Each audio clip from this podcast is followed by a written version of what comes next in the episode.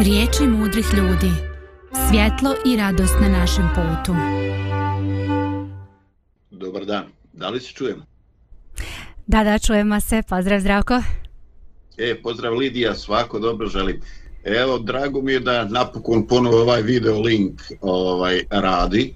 E, ja sam prošli put pratio sve ono što se dešavalo kod vas i ovaj e, baš sam osjećao neodoljivu potrebu da se i javim, ali eto, tehnika, što bi rekli naš stari uvosak kočalo je nekada majka, nekada mačka. Nekad nas izvršno služi, a nekad nam napravi problem. I tako sam ja mogao samo da vas gledam, a nisam mogao da doprinesem uh, našoj ajde, zajedničkom razmišljanju o temu koju smo imali. Falio si nam zdravko, mogu ti reći. Baš smo očekivali onako, saćeš, saćeš, međutim a, nisi uspeo s obzirom da eto, imali smo nekih a, problema, rešili smo, eto sad funkcioniše sve. E, super. Ovaj, mi ćemo ovaj, eh, danas eh, rotirati, pa sam ja danas ovaj, e, ovde gost umjesto kolege Božidara koji je na putu i koji je trebao da ima serijal na opačke. No, ovaj, na opačke ili misli mudrih ljudi, ajde, tu je to negdje. Ovaj, uglavnom stvari bolje vidimo kad ih pogledamo iz neke druge dotadno uobičajne ovaj, perspektive. E, tako ovaj i danas e, spremio sam e, jedan po meni makar izvrstan i inspirativan e, stih iz knjige Ekspont od Ive Andrića.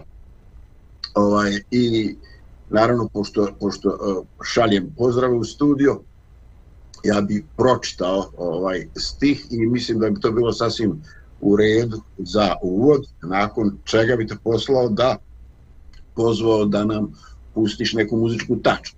Dakle, eksponto Ivo Andrić. Slava ti Bože za muke dana i mir noći, za krata život i veliku zagonetku smrti. Nega je blagoslovljena odluke tvoje po kojima dolazimo na svijet i odlazimo s njega, pošto smo se naradili i namučili. Ogromni su i neshvatljivi planovi tvoji, jasno je da ih ne možemo dogledati, ni smjera, ni svrhe i da ih moramo mirno primiti. Ali teško je biti čovjek, gospoda. Eto, e, ne mnogo riječi, ali pun protuslovlja i nešto što zaista ne samo postavlja dileme pred naš um, nego i te kako dotiče naša osjećanja. E, da li je to, u kojoj mjeri je to nešto što pogađa ono što mi mislimo ili osjećamo ili stvara u nama otpor, eto nama teme dakle za danas. Ovaj, eto, ja te molim sad da nam pustiš neku muzičku tačku pa da krenemo u sitno raščlanjivanje ovoga što je po nama makar Antić htio da nam kaže. Može, naravno.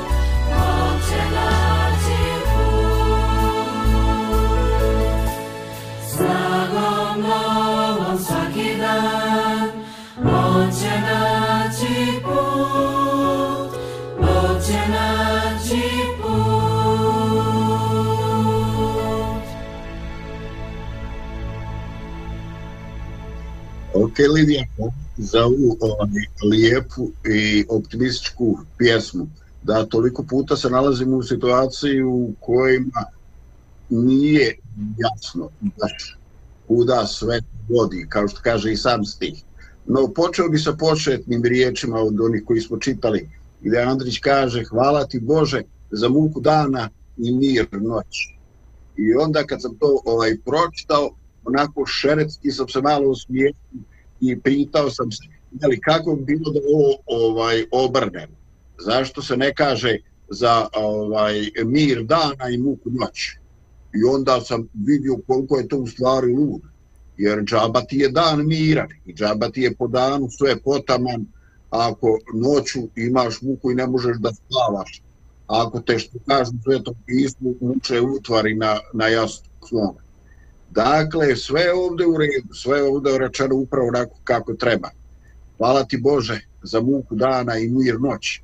Jer upravo taj trud, muka, problemi s kojima se suočavamo i koje na ovaj način više ili manje e, uspješno rješavamo, oni čine da imamo mir noći.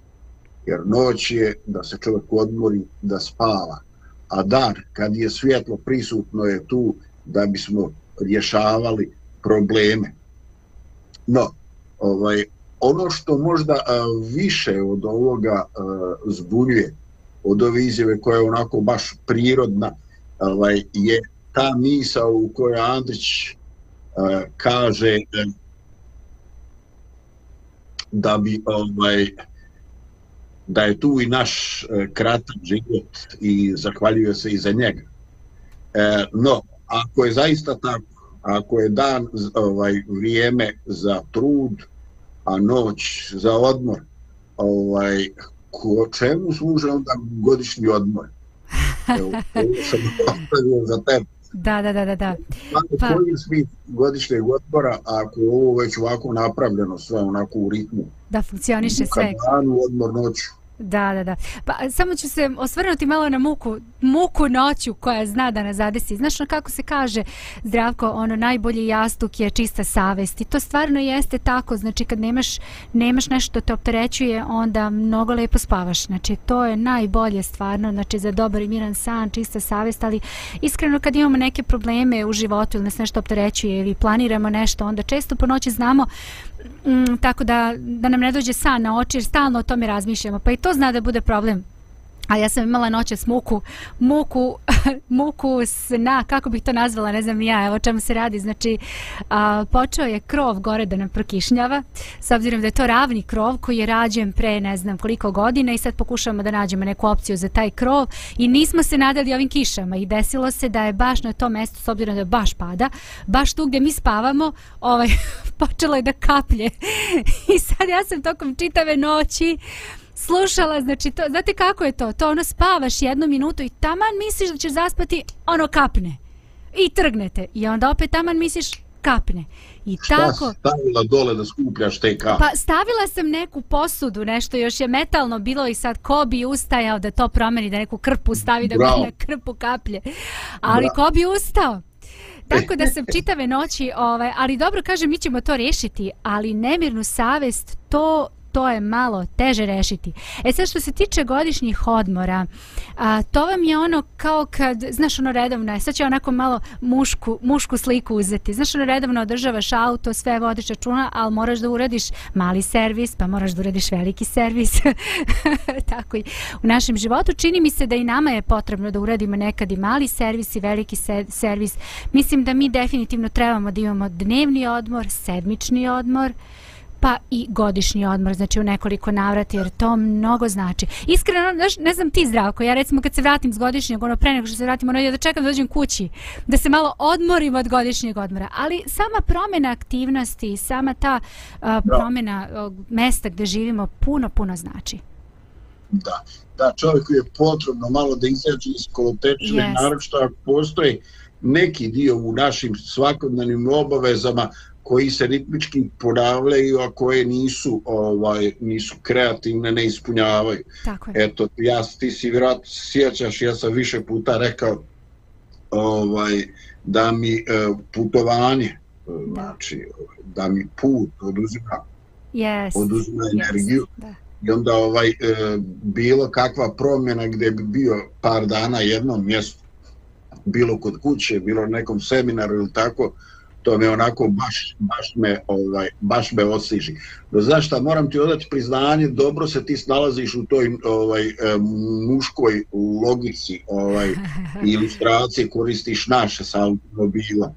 Očito je da si skupo slušala ovaj Bojanovo naglas neko razmišljanje, možda i nisi. Ma, skoro je Bojan radio mali servis, pa to mi je ostalo onako u, u sećanju. To je odlično, da, odlično. Da. E, ali što se tiče toga mira, ovaj noć, sjetio sam se nešto onako baš budalasto, kad ti Aha. spominješ te kapi. Znaš, imao sam priliku da čitam da je to bio jedan od načina mučene ljudi u, u, ovaj, u srednje vijeku. E, jest, da, tačno. Ovaj, kaže, svežu ga onako negde, učvrste ga i obriju mu glavu i gore stave neki mijeh, probuše ga iglom i onda kap po kapu na tjeme mm, pada.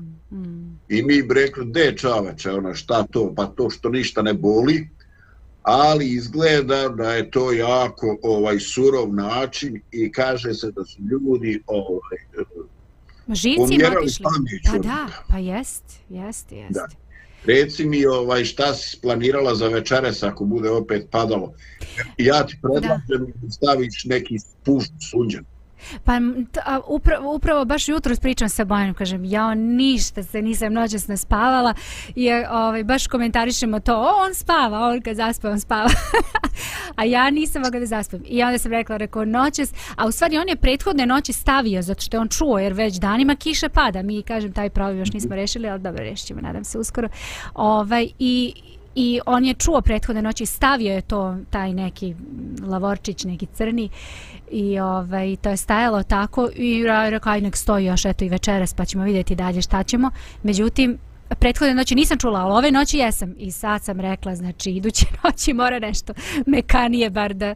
A znaš šta je, u čemu je fora? Ja nisam uopšte znala šta je, jer nego ja spavam i ja to čujem i meni, ja, ja sam imala da je iz lampe s moje leve strane. Međutim, nije iz lampe, tek sam se, pro, kad sam se probudila sam shvatila, jao, nije to. Reci mi, jesi li čula kakve su prognoze, dokad će ovo danas čast će ovaj ja, engleski Zdravko, šta da ti kažem, nešto, nešto prognoziraju do kraja maja da će biti ovako kišno, pa eto možda juni bude malo sunčani, čak tamo i temperature najavljuje malo veće. Ja baš pratim da. prognozu, mene to zanima. Da, mi žao što sam te pitao, ja čuo idu, do iduće sedmice, do iduće srede, a ti to otegnu do kraja. pa dobro. Da, da, da. Neću imati o, mirne noći. ne, nećeš, sad ćeš imati grižu savjest. Dobro, slavim se. Ovaj, da, zaista, ovaj, e, zaista je bitno da čovjek noću spava i bitno je da nema te more. Jer ovaj koliko god čovjek uspije i da spava ono neriješeno um, neki put kroz neke zaista čudne kombinacije, ovaj e, dolazi u okviru nekih iluzija, snova i tako i čovjek se probudi i ne osjeća se baš dobro. No, ovaj, nije dakle čudo što Radić kaže hvala ti za trud i muku dana koje nas čuvaju od nekih destruktivnih stvari, od bijesa, od -hmm. ovaj, um, onoga kad čovjek jednostavno ne zna šta bi sa sobom, trud i obaveza nas definitivno čuva od toga, a noć nam obnavlja energiju, vraća nas, ovaj, vraća nas u život. Da, slava ti Bože, ovaj, što je tako. E sada, ako nam je dan mučan radi toga što ne znamo šta bi sa sobom, onda očito je da treba da potražimo neku aktivnost u kojoj bi umorili i um i mišiće. I to će nam sigurno garantovati bolji san pod uslovom da vam kao kod Lidije nemate ravan krov. da, ovaj, da. Eto, uh, možda, je, možda je to ovaj dovoljno za ovaj uh, segment. Ovaj, uh, ja sam i kod kuće dobio primjedbu da se u prvom, drugom segmentu baš raspričamo da treba ovaj prije pustiti muziku da opusti ovaj nas i slušalce. Pa ćete dakle zamoliti za još jednu muzičku pauzu prije ulaska u drugi dio. Maše.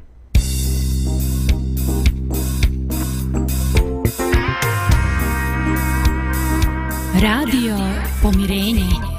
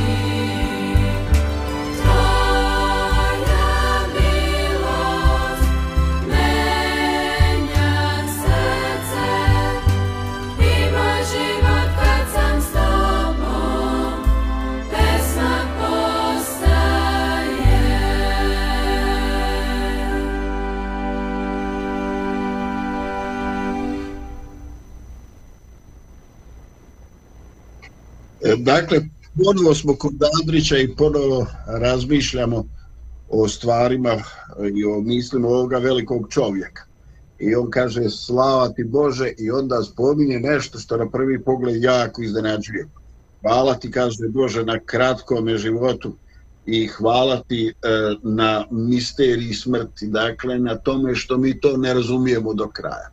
I zaista na prvi pogled se čini da je ovo ovdje nešto što je zbunjujuće. Ovaj, eh, vjerujem da se ovdje kad se govori o kratkom životu ne misli o životu oni koji su nažalost eh, kojim čije iskustvo življenja prekraćeno nečim što je ovaj neočekivano, nečim što je što se desilo ovaj varedno.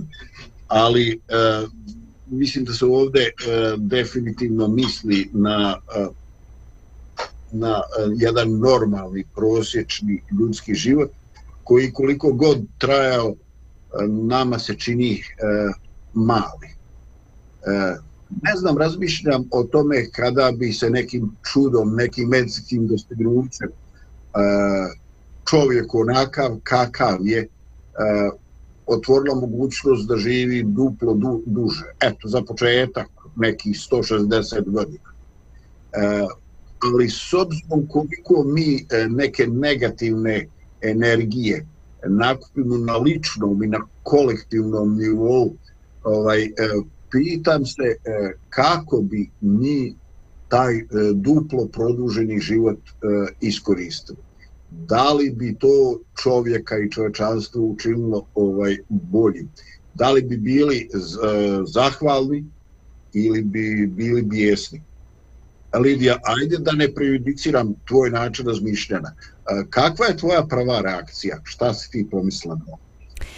Pa e, da vidim da si spominjao, da si govorio o tome da je naš život produžen i jeste. Mi možemo sada ako govorimo sa te neke medicinske strane da, da, da kažemo da jeste. Život je produžen s obzirom na uslove života koji su bolji nego što su bili nekada. Sad to je sve uslovno naravno a, govoriti i pričati o tome, ali jesu uslovi bolji i, i naš život jeste blago a, produžen u odnosu na možda kažem neke godine ranije.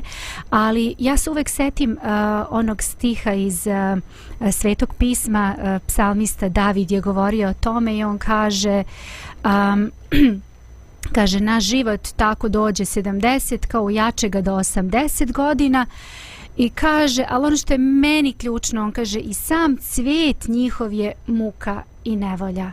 I zašto kaže? Jer brzo prođe. To ono čemu smo juče govorili, sve što, sve što je lepo, nekako imamo osjećaj da, da traje kratko i da nekako brzo nas zaobiđe e, ili, ili nas zakači samo kratko i uzme nas možda, ali kratko. Sve to nekako kratko traje i kaže sam cvijet je njihov nekako a, muka i, i, i nevolja. A, tako da... Da li ti misliš da je vrijeme e, ovaj, e, uslovno rečeno rastegio?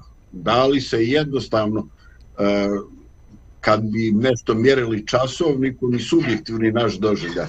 Da, ovaj, da. E, zar se tebi ne čini da je to neki put ovaj, nešto što je baš rastegije? Definitivno da, definitivno da. Um, sećam se kad sam mala bila, ja sam učila da se, um, ne da se borim, nego da prihvatim uh, to da ono što je lepo traje određeno vreme. E, znaš šta, ja sam imala recimo taj problem što, znaš, recimo, čekam nešto da dođe i to nešto dođe. I onda to traje određeno vreme i posle to prođe. I onda se vratiš ponovo svoj nekoj kolotečini.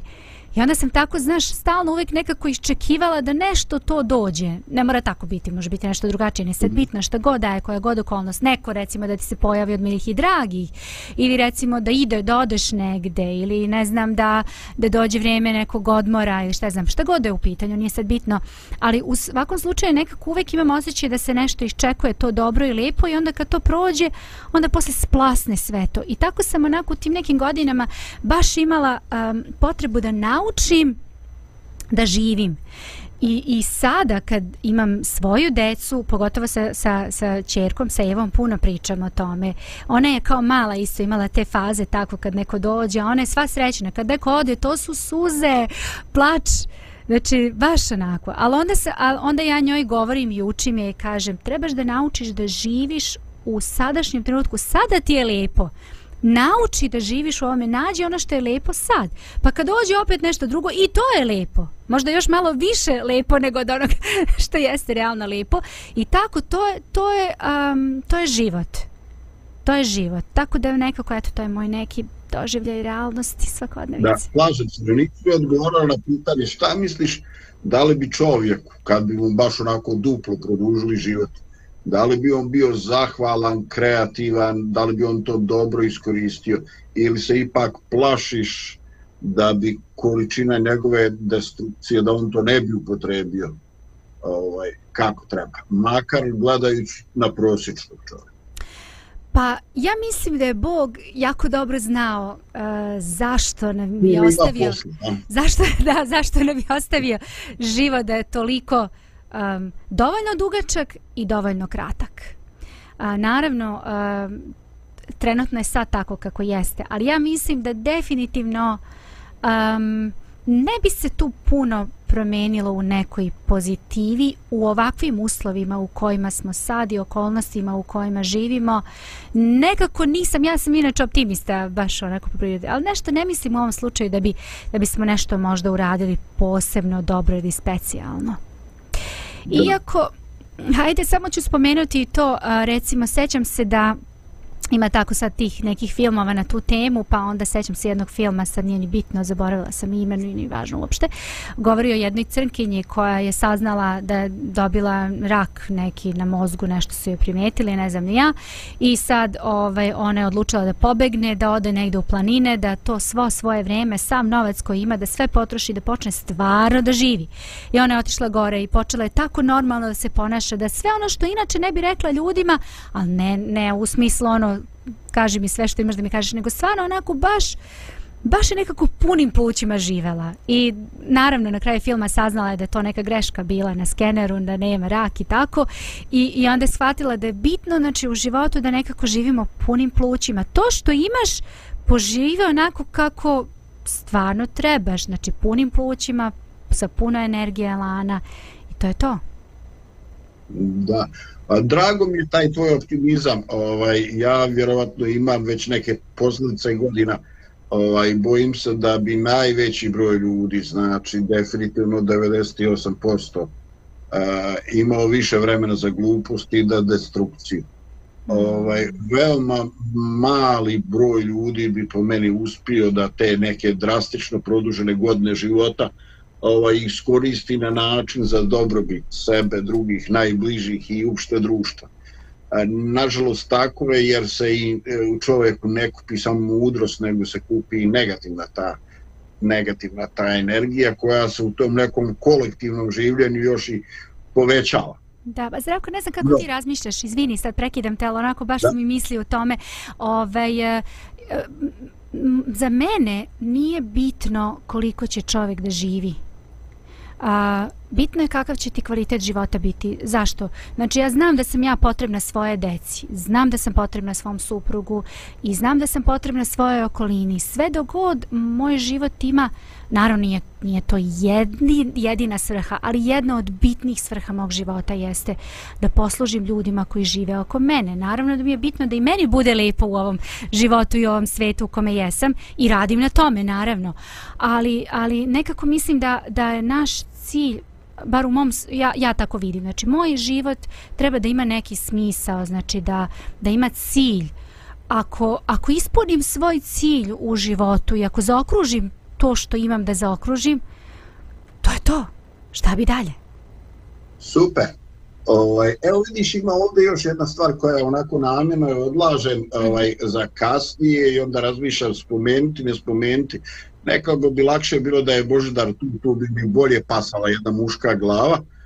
Ovaj, eh, e Andrić zahvaljuje slavi Boga za eh, misteriju smrti koju mi ne razumijemo. I, ovaj, I onda razmišljao sam sinoć o tim riječima i ovaj, shvatio sam da mi e, sve što znamo samo, samo na onome nivou pojavnom, dakle ono što je vidljivo ovaj, e, pred očima, a to je jednostavno čovjek živi i razbudi se ili naprasno naglo mu se prekine ovaj, život i onda se ovaj, ta destrukcija dešava ovako pred očima ovaj, u dva, tri dana i čovjeka, ne zavisno od kulture, treba skloniti za lica zemlje. Što je rekao jedan e, čovjek u mome djetinstvu, e, šta će se ja briniti, šta će biti kad umrem, kaže, kad umrem sa hrančem je moj smrad. Ja sam kao dijete ostao fasciniran, šokiran tom izjevom da bi na kraju shvatio da je upravo tako. Dakle, niko neće ostati nesahranjen jer će ovaj, e, svojim nestajanjem ovaj, učiniti to neophodno onima koji su ostali. No, ovaj, e, smrt ostaje misterija koja će misterija nakon ove naše ovaj, emisije. I definitivno ono što mi vidimo i što izvjesno znamo, to je destrukcija tijela. Mi ništa ne znamo o duhovnim i duševnim aspektu čovjeka, e, šta se e, sa njim dešava, E, jedino što ovaj, znamo, ono što nam je rečeno, ovaj, tijelo se vrati u zemlju, duh se vrati u Bog koji ga je dao. Čoveka nestaje e, čekajući tu neku promjenu za vjernike ili tibaske serije ovaj, ali e, mislim stvarno vjerujem da je ljudi koji su deklarativni nevjernici ovaj, da oni doživljavajući i posmatrajući svu puninu ljudskog života u smislu svu kompletnost, kompleksnost osjećanja, sve ono što je čovjek u srcu, u duši, da ovaj e, jednostavno negde u dubini e, sebe svataju da tijelo vidljivo, raspadljivo, ne može odrediti i ne može biti ono e, ne može biti sve ovaj, e, od, od onoga što se skrije pod e, pojmom ovaj, e, čovjeka. E, dakle, e, interesantno, Andri će reći hvala ti za tu misteriju, hvala ti što to ne razumijemo. Vjerovatno očekujući u tome e, inspiraciju da težimo, da tražimo smisao i da očekujemo neko otkrivenje, neko svjetlo u našem životu. No, ovaj, za, ovaj, želiš li ovo komentarisati? A ako ne, eto, možda je vrijeme za ponovo za jednu muzičku pauzu. Ja sam spremna. Idemo onda sa tačkom muzičkom.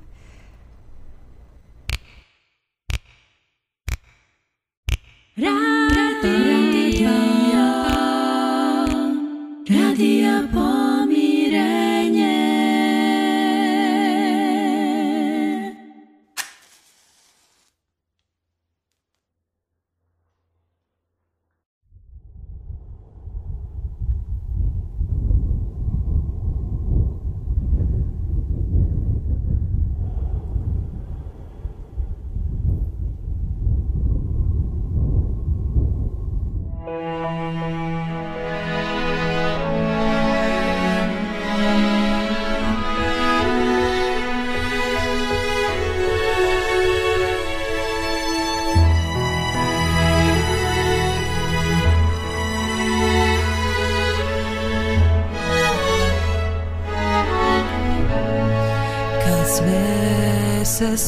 she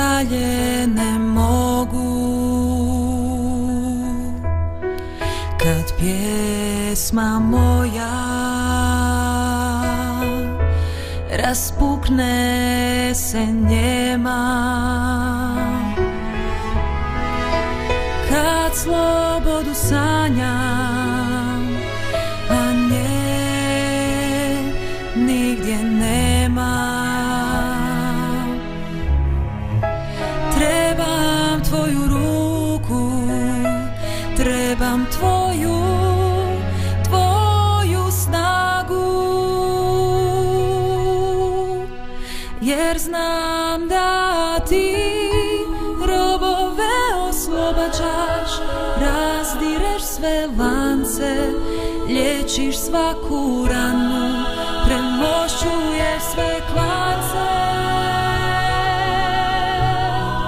Jer znam da ti sljepcu daješ oči, u život vraćaš mrtve, daješ se za hranu,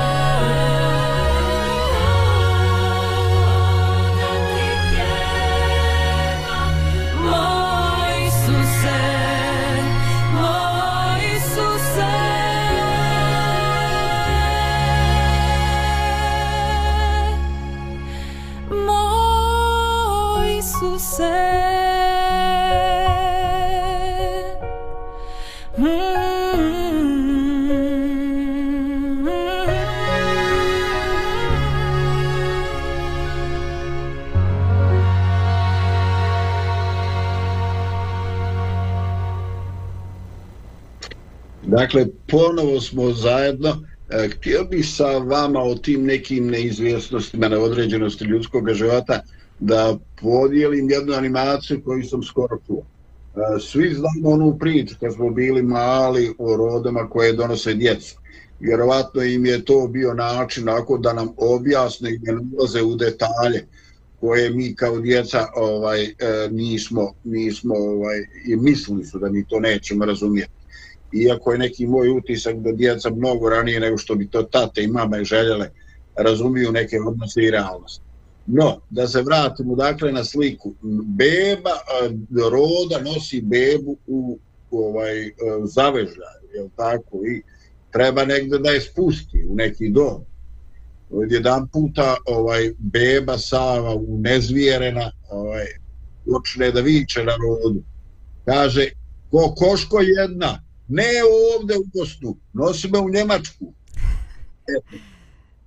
Tako, ovaj, tako je beba htjela da odredi mjesto svog rođenja.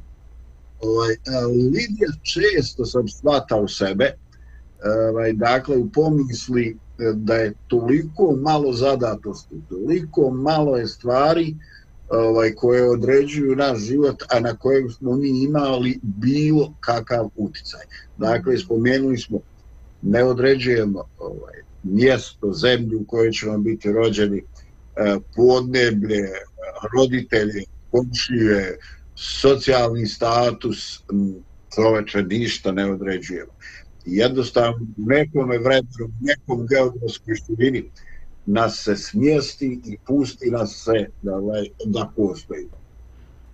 I ovaj, mi živimo i kao što bi rekao Meša, da je živite najbolje od onoga kako znate i umijete da ne izgubite e, da ne izgubite taj svoj e, ljudski lik.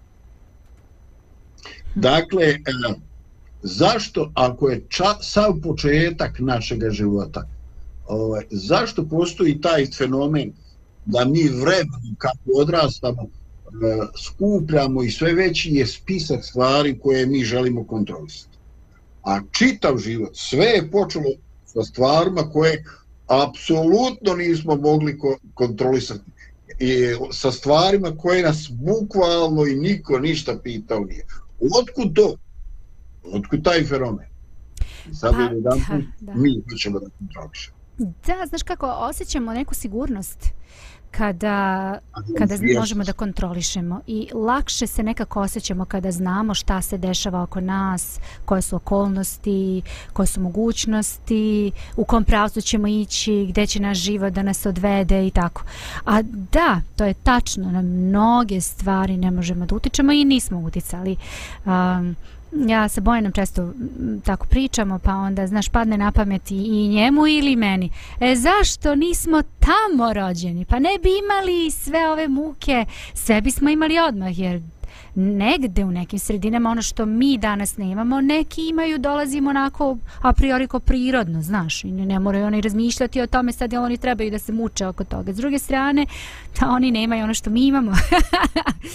Postoje neke stvari, da, realno, koje mi stvarno, znači, e, imamo, dobili smo rođenjem tu baš gde jesmo, gde živimo, pa recimo se evo u mom slučaju činjenice da da smo se ja sam se selila pa nemam pojma nisam ni brojala ali možda 7 8 puta sigurno do sad. E, nisam birala znači mene niko nije pitao jel ti želiš da radiš posao koji radi tvoj otac pa da ti sad se seliš? Ali ja sam se odlučila da radim takav posao gde se selim. Tako da sve to ima nešto svoje, ali, ali i pored toga da osjećamo potrebu za nekom sigurnošću. Ja osjećam s godinama uh, E, nisam dosad, to iskreno ću biti, dosad ja sam rekla, ma gde god, ja sam spremna i dalje, znači mogu da selim, mogu što sad već nisam baš tako iskreno i ne samo zbog dece, zbog dece po najviše, ali volim tu neku sigurnost, volim da znam Znaš, ono, to je moj dom, to je moja kuća. Znaš, nekad, nekad zavidim ljudima koji su čitav svoj život proveli tu na jednom mestu. Znaju sve, znaju ih svi. Znači, tu su, gde su čitav život, baš to onako nekako zvuči nekad lijepo. A ovaj, s druge strane, znaš, svaka ta promjena životna, pa promjena posla, promjena svega, donosi se sobom svašta nešto sa čime se mi moramo mm, suočiti i navići na to, a nije to lako. Ne znam kako ti, ali ja, ja se ne privikavam lako. Ranije jesam sad ja mislim, da, ja mislim da nas to ovaj, čini uh, da nas to čini mentalno ovaj uh, življim, da povećava našu kondiciju. Uh, ajde suđu se reći da nas to čini mlađi. Mm. Upravo ta ovaj potreba, ali i spremnost uh, da se nekim novim uslovima prilagođavamo i da na, pronalazimo najbolje odgovore ovaj, u odnosu na okolinu, u odnosu na ljude, u odnosu na uslove. Ovaj, ali kad spominjemo uslove, ovaj, ja nekako mislim da smo mi ljudi aj, na Balkanu ili u Bosni i Hercegovini ovaj, čak nedovoljno svjesni ovih prirodnih blagodati mm -hmm. koje, koje imamo. Ovaj, znači, mi još uvijek, znači 2013. godina, jeli, mi još uvijek imamo o, na mnogim mjestima prirodne izvore. Tako je. Ovaj, znači imamo vodu ovaj, koja je jednostavno besplatno tako curi tamo iz neke cijevi, iz neki, neki uređeni izvor. E, I to se godinama se provjerava i nosi institut jeli, na provjeru. Još uvijek je to mnogo bolje od industrijske mm -hmm. vode I od ona svake koja je kupovne. kao provjerena. Da. A onda, onda shvatiš da postoje mnoga mjesta u svijetu gdje ljudima ovaj, nije najveći problem što moraju na leđima ići donijeti vodu. Nego najveći problem je e, što jednostavno ta voda nije čista. Mm. I onda sam zgrožen, e, zgrožen sam informacijom da jednostavno uh, mnogi ljudi u nekim dijelovima svijeta imaju bolesnu, imaju bolesnu ljetu. Dakle, ljudi su, ovaj, puni su parazita. Mm. Ovaj, I jednostavno njihov život, oni su u startu, u startu ne mogu, nisu u stanju da ovaj nisu u startu da žive uh, zdravo, hendikepirani je njihov život. Ovaj, Zdravko, sad ću ja tebi da postavim pitanje. Jel mogu, izvini, jel mogu ja tebi da postavim pitanje? Jel ako sad ti kad gledaš nas, evo mi smo tu gde jesmo, tu smo rođeni, tu živimo, tu radimo. A, da li misliš da, evo sad recimo pogledaš, gledaš čitavu planetu, čitavu zemaljsku kuglu, da li misliš da sreća zavisi od mesta gde živimo i od okolnosti u kojima se nalazimo? Ne mislim da zavisi sreća, ali e, zavisi spisak problema koje smo e, predodređeni da se nosimo sa njima. Ovaj, jer ovaj, vidiš, recimo, na nekim mjestima ljudi žive e, plemenski su određeni. Znači, on kad se rodi, u napredi određeno ovaj, iz kog naroda možda se ženi ili udaje, mm. ko su mu dušmani, ko, ovaj, ko će mu skinuti glavu ako ne bude oprezan i tako ovaj, e, čak i mnogim ljudima, prosječnom čovjeku je unaprijed određeno e, koliko mu je medicinske njege ušte na raspolaganju, e, da li će, ušte šta će moći. Ovaj, e, ono što ti pitaš je dodatno problematično, ovaj, zato što su ljudima u različitim podnebljima različiti kriteriji sreće, različiti kriteriji uspjeha. Dakle, e, kao što riječ kondicija ne znači isto sa 19 i sa, sa, sa 59 godina, to nije isto. Mm. Ovaj, tako isto i ta sreća i uspjeh.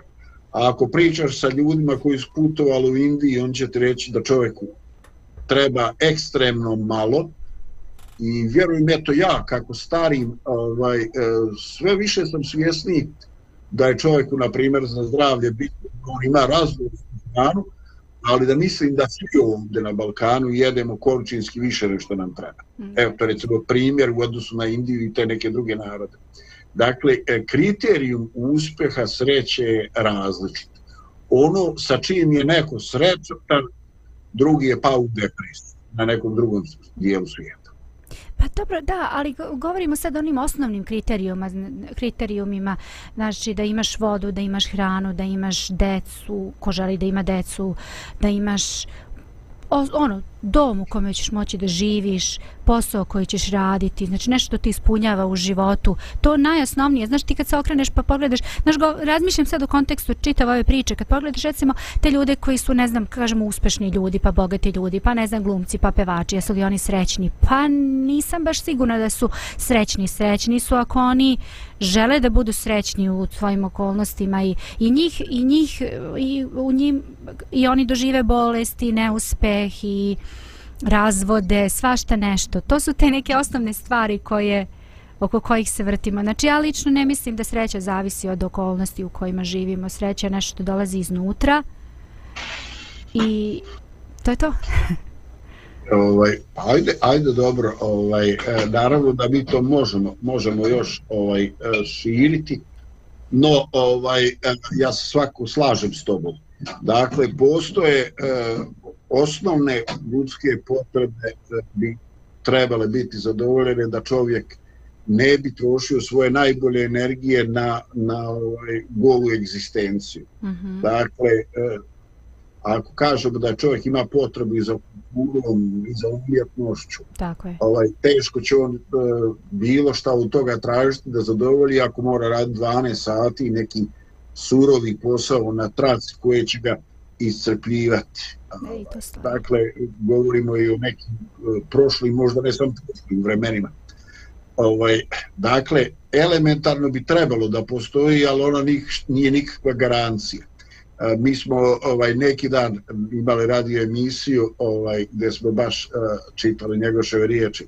Čašu meda još niko ne popi da je čaša žuči ne zagorči. Dakle, koliko god to, kako ti sama kažeš, bilo zadovoljeno, pa možda čak u nekim slučajima mi neke ljude ubrajali u kategoriju uspješnih, to još ne znači neku ličnu, subjektivnu, emotivnu sreću, Tako jer uh, uvijek ima nešto što čovjeka uh, kvari tu, tu sreću.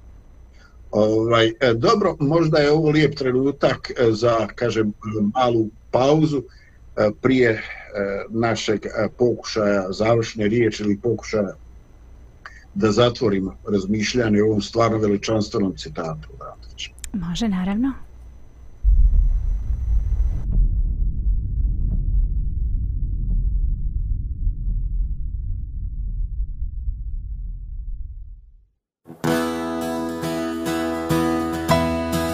slavu Tvog imena Vikat ću sa krovova Jer ja sam Tvoj Ja sam Tvoj.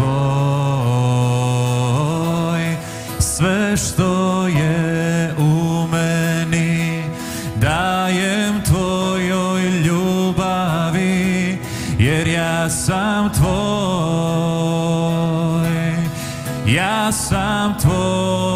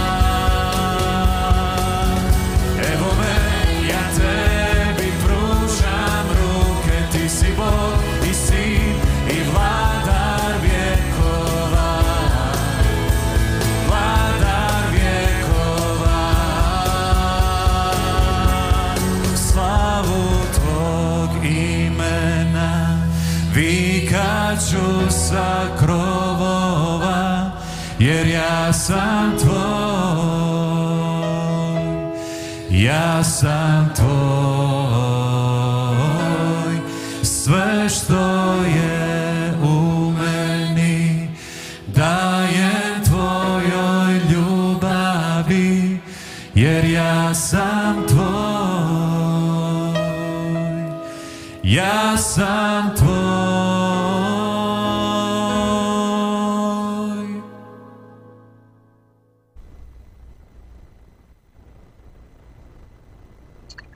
Dakle, eh, pred nama je završni dio ovoga citata od Andrića, koji na neki način predstavlja, makar po meni, vrhunac ove misli. I on kaže, obraćaju se naravno Bogu, ogromni su mi planovi tvoji i jasno je da ih ne možemo dogledati ni smjera, ni svrhe i da ih moramo mirno primiti. I zaista ovde se na prvi pogled makar nalazi jedan strašan absurd. Jer mi ljudi bi trebali mirno primiti nešto što ne možemo sagledati ili kako Andrić kaže dogledati do kraja ne ni smije onda to ide i svrhu zašto je to tako. Dakle ne možemo ništa od toga shvatiti racionalizati demistifikovati. A opet nam se kaže trebamo to mirno primiti. I dok razmišljam o ovome, razmišljam i o posljedicama svih tih iluzija koji smo sami sebi stvorili, gledajući razne filmove, gledajući neki život eh, koji je možda realan negdje drugdje ili nije realan nigdje, jer se pokazuje samo uh, jedan aspekt i jedan dio života u tom nekom dalekom svijetu. Stari ljudi bi rekli, ma jest tamo nešto bolje, ali đavo radi i tamo koji je ovde. I tako, čovjek je pozvan za nešto što nije svojstveno njegovoj prirodi, da jednostavno svoj život uh, preda Bogu, bez obzira što ne može dokučiti mnoge stvari. I upravo u tome je ljepota. I upravo je to jedna pobjeda i triumf duhovnosti u našim životima. I upravo rad toga mi zaista shvatamo koliko je umjetnost u bilo kom svom realnom obliku doprinjela e, ljepoti života. E, I ako postoji nešto, e, ovaj, neka sličnost, onda ću to reći da nas slobodno. E, istinska, primjenjena teologija, dakle ne neka teoretska, je najbliža umjetnosti jer je e, pozvana da sagledava život i da sagledava Božije projavljivanje u tom životu. Ovaj, I zato e, želio bih da jednostavno se sjetimo naših predaka, nekih dobrih baka i djedova, neki ljudi koji su iz naših, naše pozicije imali malo, ali koji su bili sretni i zadovoljni. Eto, Lidija, ja koristim ovo da pozdravim tebe i naše slušalce ostanimo zajedno i gledajmo da učinimo naš život bolji. Lijep pozdrav od Radio Pomirenja.